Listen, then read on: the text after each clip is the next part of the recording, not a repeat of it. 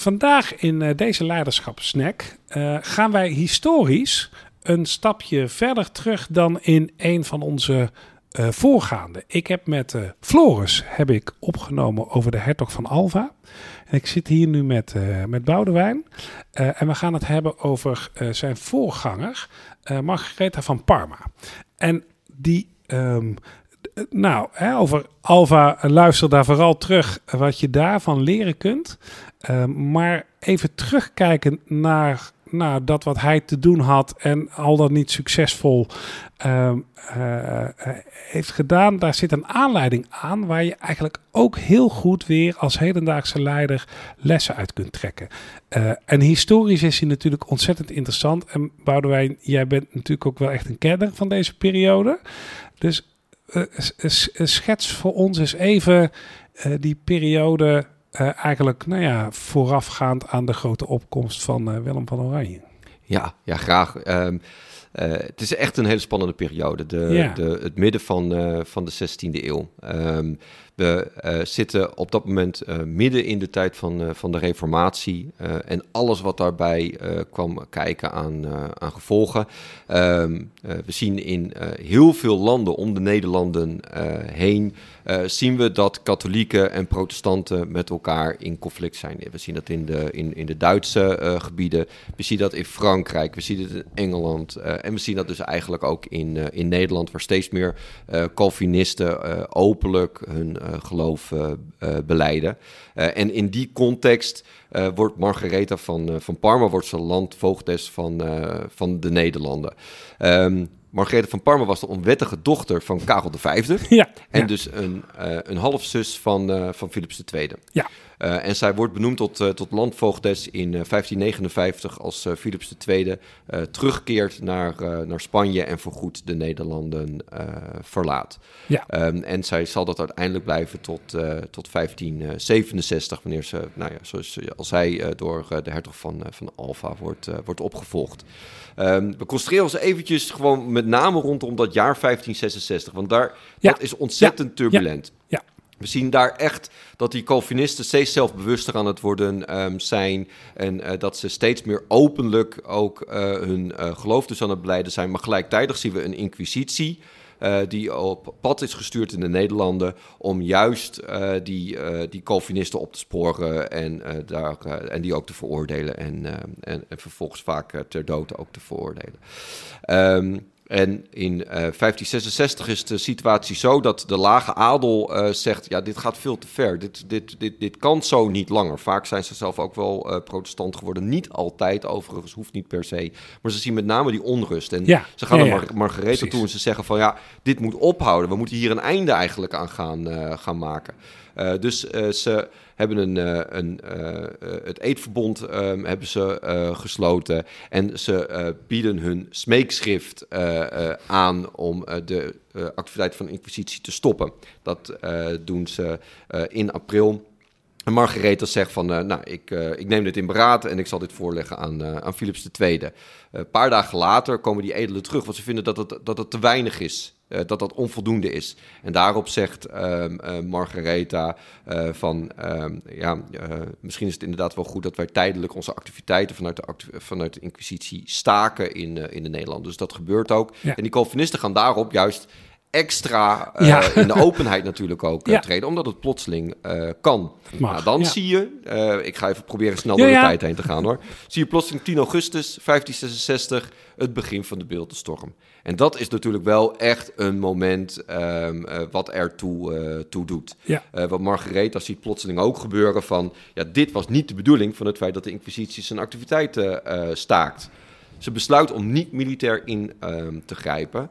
Uh, mede omdat de edelen weer uh, bij haar komen en zeggen van doe dit alsjeblieft niet. En zij heeft ook het gevoel van ja, ik moet blijven de-escaleren, ja. want anders gaat er hetzelfde gebeuren als in andere Ik wil het zeggen, want dat zie je natuurlijk ja, ook. Je zij, overal burgeroorlog Zij doet eigenlijk. dat niet alleen maar omdat ze uh, weken knieën heeft. Hè? Nee. Zij, dat is denk ik wel van belang om, ja. die, om die er wel aan toe te nee, voegen. Ze, ze, is echt bang dat de hele situatie escaleert. Dat is een soort kruidvat. Uh, net als in andere landen dus Precies. Om, ons, om ons heen. En Precies. er is gewoon echt de mogelijkheid dat er, dat er gewapende conflicten gaan ontstaan. En wat wij tegenwoordig dan een burgeroorlog zouden gaan noemen. Ja. Nou ja, dat, ehm, dit komt Philips II ter oren. Ehm, en die vindt, uh, mede door de gebeurtenissen van de beeldenstorm, dat het veel te ver is uh, gegaan. stuurt de hertog van Alfa naar de Nederlanden. En dan gebeurt er iets interessants, want dan legt Margaretha van Parma, die legt haar functie neer. Eh, in eerste instantie is de hertog van Alva niet naar Nederland gekomen om landvoogd te, te worden, uh, maar echt om de, de Calvinisten te bestraffen. De ja. mensen die, alleen zij zegt dan, ja, dit gaat me te ver, ik ga hier niet aan meewerken, dus ik stop hiermee, want ik geloof niet in um, die politiek van militair ingrijpen. Nee. Ja, dat, is, dat, nou ja, dat is het verhaal een beetje van Margarethe van Parma. Het krijgt nog een vervolg. Mhm. Eh, even heel kort toch wel. Haar, ze heeft een zoon, Alexander Farnese, die kennen we, want die wordt later landvoogd. En dan keurt zij ook met hem terug naar de Nederlanden. Eh, en zal dat blijven tot 1583. Nou, doet voor het verhaal niet ter zake, want dat, bij Costreros even rond 1566. Ja, nou ja en, en, en ook die uitdaging hè, die zij daar heeft. En dat, ik vind dat er, uh, dat is er een die die zet aan het denken. Want wat zij, uh, uh, ik vind, jij schetst dat mooi. Hè? Je ziet in de omgeving, zie je um, uh, inderdaad de onrusten en de burgeroorlogen en, en gewoon de, hevige strijd uh, tussen bevolkingsgroepen, waarvan zij eigenlijk zegt, um, uh, dat wil ik niet. En ze ziet dus ook voorbeelden van, zeg maar, in, manieren van ingrijpen die het alleen maar erger maken. Dus zij zegt dat straffen en dat, hè, dat vervolgen, dat mensen op de brandstapel zetten en dat soort grappen, dat, dat maakt het alleen maar erger. Dus die kant moet ik niet op. Um, het is een beetje gissen naar haar eigen kompas daarin. Hè? Want het zou natuurlijk kunnen dat ze daar heel erg kijkt naar van joh, um, dit werkt niet. Het zou ook kunnen dat ze het ook moreel afkeurt. Dat, dat, dat, ja, dat weten we niet helemaal zeker. Maar, maar het is in ieder geval, kiest zij ervoor om inderdaad nou, met die lage edelen te kijken van joh, kan ik dit niet op een andere manier doen? Um, het wrange is dat door de vrijheden die ze geeft, die genomen worden door de Calvinisten, hè, eh, met de Hagenpreken, et cetera, en natuurlijk uit die, uh, ja, die uitbarsting met die beeldenstorm. Uh, maakt het ook de Calvinisten eh, het haar in die zin eigenlijk daarna door hun activiteiten onmogelijk maken. Want nou ja, of zij nou heel veel anders kon, weet ik niet. Maar ze moet ze moet geweten hebben dat Philips er op deze manier van een afstand, hè, het was voor hem makkelijk praten in het katholieke veilige uh, Spanje, maar hij grijpt in op de manier die, nou, die die heeft gedaan, het voorspelbaar was, weet ik niet. Maar in ieder geval uh, is het effect dat dat, uh, dat dat wat zij wilde voorkomen, als een, boemerang, als een boemerang terugslaat. Want ja. Alfa uh, was van, van alle manieren die we in die jaren zien van ingrijpen, was hij zeker niet de mildste, zullen we maar zeggen. Um, en dat vind ik een, een overpeinzing. Als, je het, hè, als we weer de les trekken van wat moet je daar nou als hedendaagse leider mee? Uh, ik vind het een ongelooflijk interessante overpeinzing. Als je iets probeert te voorkomen. Um, en dan misschien, als je probeert weg te blijven van de ene wal en daarmee eigenlijk drijft naar de andere.